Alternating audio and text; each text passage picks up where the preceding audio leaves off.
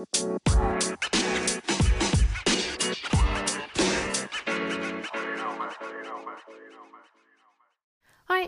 mijn naam is Janneke en welkom bij mijn Positief met Pubers podcast. De podcast waarin ik elke week vragen van ouders beantwoord over het opvoeden van pubers.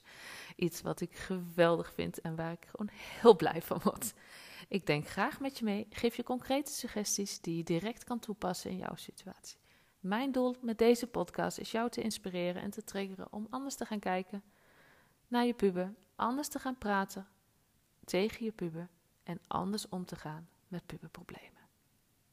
Heb je zelf een keer een vraag of een suggestie? Ze zijn altijd welkom. Je kan me vinden op Instagram op Janneke underscore, je pubercoach, of stuur mij een mailtje via info.conductien.nl. Nou, gaan gauw naar de podcast, aflevering van vandaag. Veel luisterplezier. Lieve groet. Hey, het is weer donderdag en dat betekent dat er een nieuwe podcast voor je klaar staat. Allereerst, dankjewel voor alle reacties op de vorige podcast. Pubers en een mobiel is toch een onderwerp wat veel terugkomt en waar veel ouders toch wel mee struggelen. In de stories heb ik daar nog een poll over geplaatst met erin de vraag of, of jij meekijkt op de telefoon van je puber. En een ruime meerderheid van jullie zegt dat niet te doen. En een van de reacties van de ouder, een, een ouder was, weet je, ze zei van, oh, dan hoop ik dat ik het goed zeg. Ik, ik heb geen afspraken gemaakt, ik vertrouw op hun en daardoor krijg ik vertrouwen terug. Zo was het volgens mij.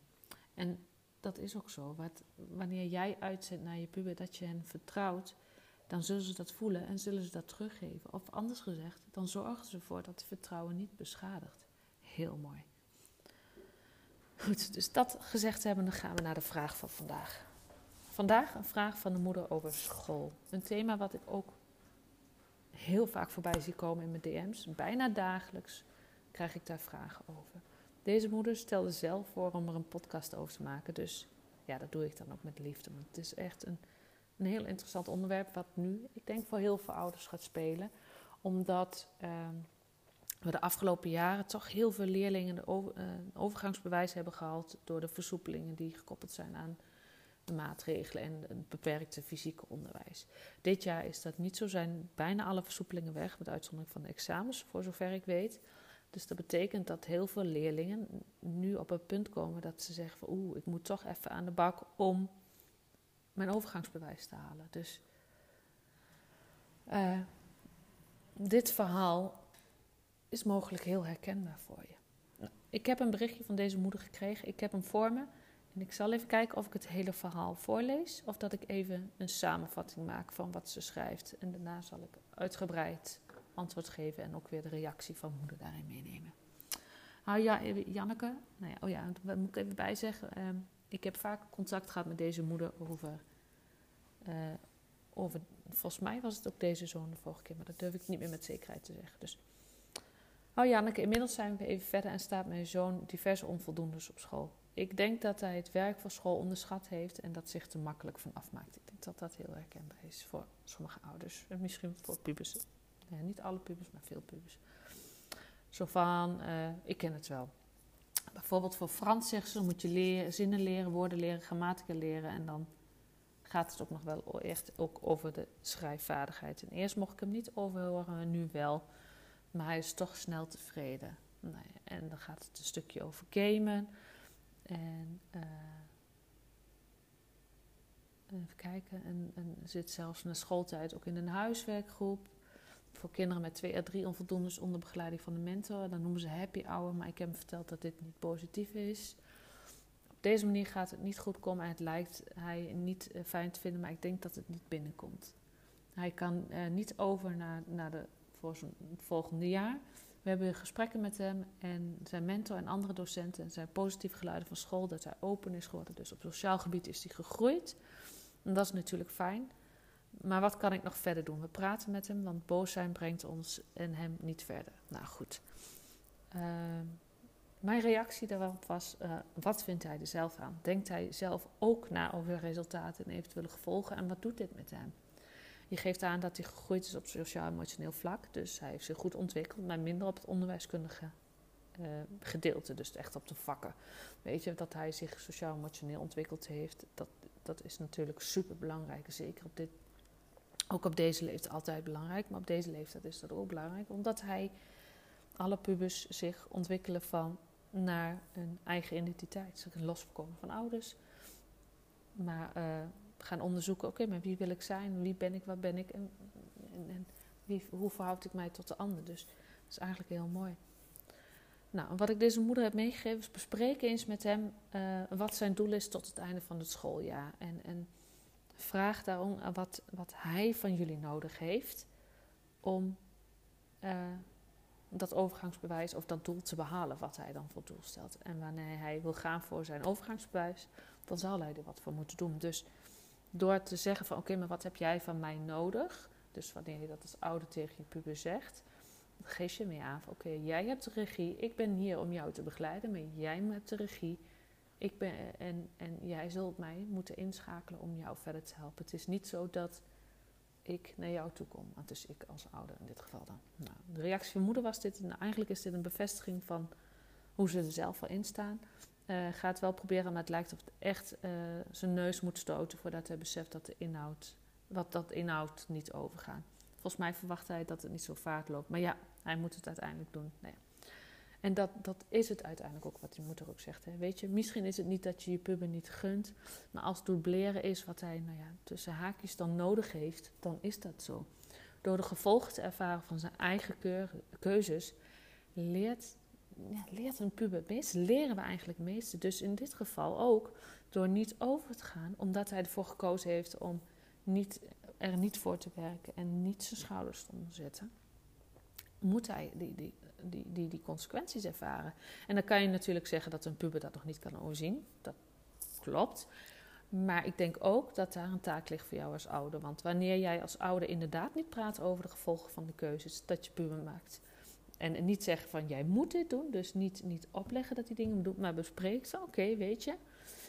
Uh, dit is jouw keuze. Wanneer jij nu niet die inzet laat zien, heeft het als gevolg dat jij blijft zitten.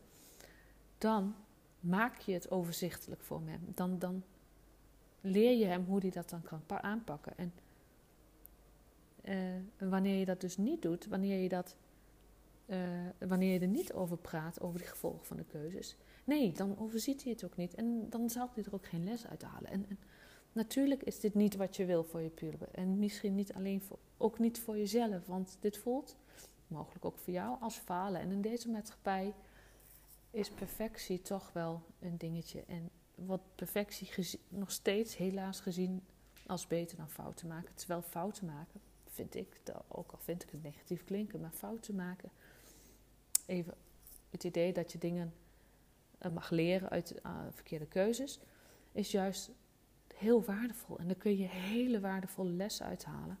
En daar kun je zoveel van leren. Dus wanneer jij je puber uit kan leggen dat het geen falen is als een ja over moet doen, maar als een hele mooie les die jij kan leren, zal hij het nog steeds niet leuk vinden, maar kan hij dan mogelijk wel omzetten in een bepaalde motivatie. Want we leren nu eenmaal door vallen en op te staan. Dat maakt een mens succesvol. Daardoor kan je stappen maken. Daardoor groeien. Nou, moeder reageerde weer. Nou ja, het klinkt uh, makkelijker dan het lijkt als uh, je jezelf uh, helemaal, daar helemaal niet in herkent. Maar het draait natuurlijk niet om mij. Ook heeft nou ja, de huidige omstandigheden veel meer impact, besef ik mij wel degelijk, dan alleen die afleiding van telefoon en game, et cetera. Ja, soms is het gewoon zo en dan moet, komt het laatst wel weer. Uiteindelijk komt hij er wel. Hij ziet de noodzaak nu alleen niet. En dat is het ook. Absoluut. En daarvoor mag hij zijn eigen pad bewandelen en gewoon zijn eigen keuzes gaan maken. Of je daar nu als ouder achter kan staan of het jouw keuzes zijn. Ja, weet je, dat is dan even zo. Er zijn, als hij het nodig heeft, in gesprek blijven om erachter te komen hoe je hem kan begeleiden en wat je voor hem kan betekenen. Dan geef je hem de regie.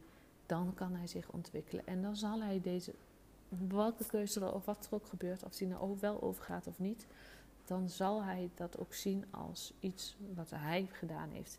En dat lukt niet op het moment dat je hem blijft pamperen en blijft zeggen dat het niet aan hem ligt daarmee zal je hem niet helpen. Hij zal ook moeten leren.